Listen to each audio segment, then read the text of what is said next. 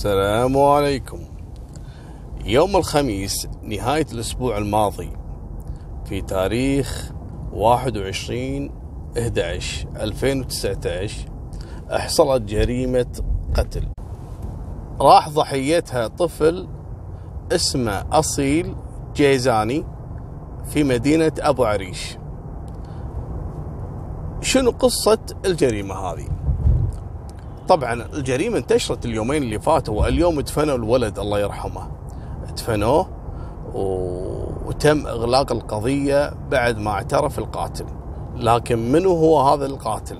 وليش قتل أصيل الجيزاني؟ يوم الخميس انتظروا أهل أصيل كالعادة يطلع من المدرسة ويجي البيت. تأخر الولد وأبوه رايح المدرسة علشان ياخذه ما لقاه طالع من الباب. استغرب. فبدأ يسأل وينه وكذا. قال أكيد موجود في البيت. رجع البيت سأل قالوا ما وصل للحين ما جاء من المدرسة. قاموا يبحثون عنه من بينهم عم الولد هذا. راح رجع للمدرسة وسأل مدير المدرسة. قال الولد ما جاء من المدرسة.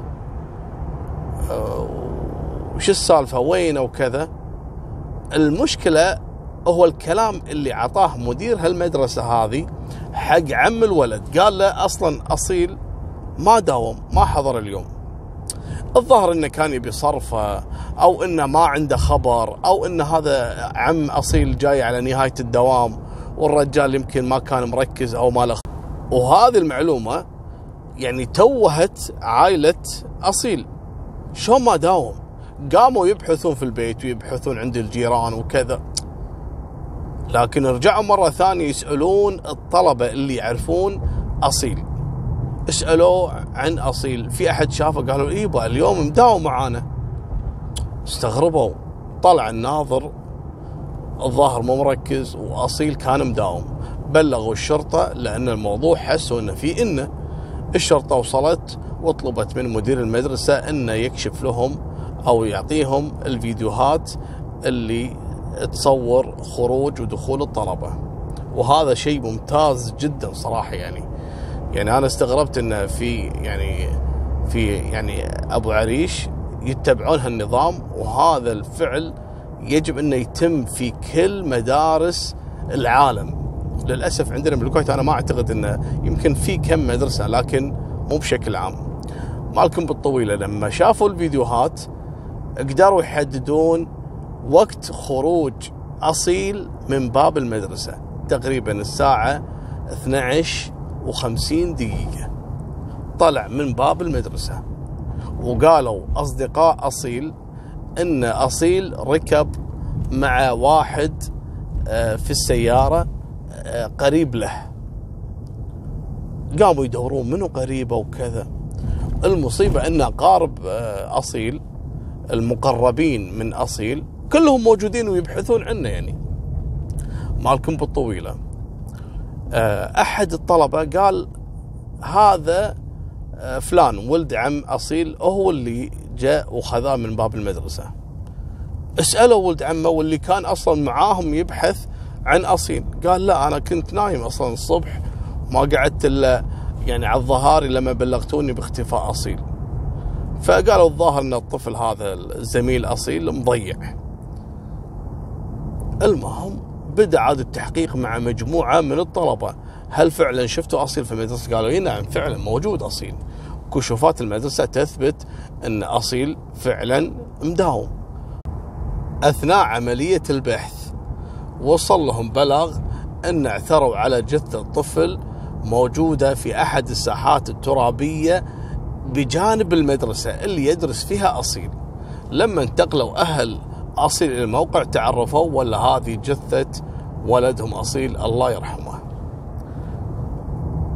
تجمعوا الناس وتجمعت العالم وأهل العريش يعرفون بعض. من بينهم زملاء أصيل كانوا موجودين. فالمباحث والرجال الأمن بدأوا يتساءلون منو شافه كان موجود هني وكذا. أحد الطلاب واللي هو زميل أصيل كان موجود في موقع الجريمة. وقالوا له إن هذا أصيل وكذا. أثناء ما كانوا متجمعين عيال عم أصيل وسألوه رجال الأمن قال نعم أصيل ركب مع ولد عمه هذا فلان أشر عليه. لما أشر عليه مرة ثانية وهذه ثاني مرة طالب يذكر إن ولد عمه هذا هو اللي خذ أصيل. هني بعد قالوا يبا تعال أنت يعني أول مشتبه بالنسبة لنا الحين. على طول أفحصوا سيارته اللي ذكر الولد إن هذا ولد عمه كان جاي فيها للمدرسة. لقوا آثار وبصمات فعلا أصيل فيها. اضغطوا عليه اعترف بالقصة كاملة. شنو القصة؟ قال أنا حضرت للمدرسة الساعة 12 و50 دقيقة وأخذت أصيل من المدرسة. وبدأ يحوم في أصيل حوالين المدرسة في الساحات الترابية بالسيارة. هذا ولد عمه عمره 26 سنة. شو اللي حصل بينه وبين أصيل ما حد يعرف لأن الولد هذا ينكر يقول أنا ما في أي مشكلة بيني وبين أصيل أو أهل أصيل لا. وفوق هذا إنه كان المفترض إن نفس اليوم الليلة انه يعقد كتابه أو ملكه على أخت أصيل لأن هذا ولد عمه وكان مخاطبها أصلا. المصيبة في الموضوع إن هذا ولد عمه سيء السمعة. ولد فيه نوع من الانحراف وراعي مشاكل وراعي سوالف. لكن شنو علاقته بأصيل وولد عمه؟ ولا وبيتزوج أخته يعني؟ يا إن الولد هذا يعني حاول يعتدي على أصيل والولد قاومه الله يرحمه. المهم قام نط على أصيل ومسك برقبته وخنقه لين فارق الحياة حتى إن الولد أصيل أثناء مقاومته لولد عمه هذا القاتل قام وشمخ إحنا نسميه شمخ أو يعني ترك آثار على رقبة آه، القاتل.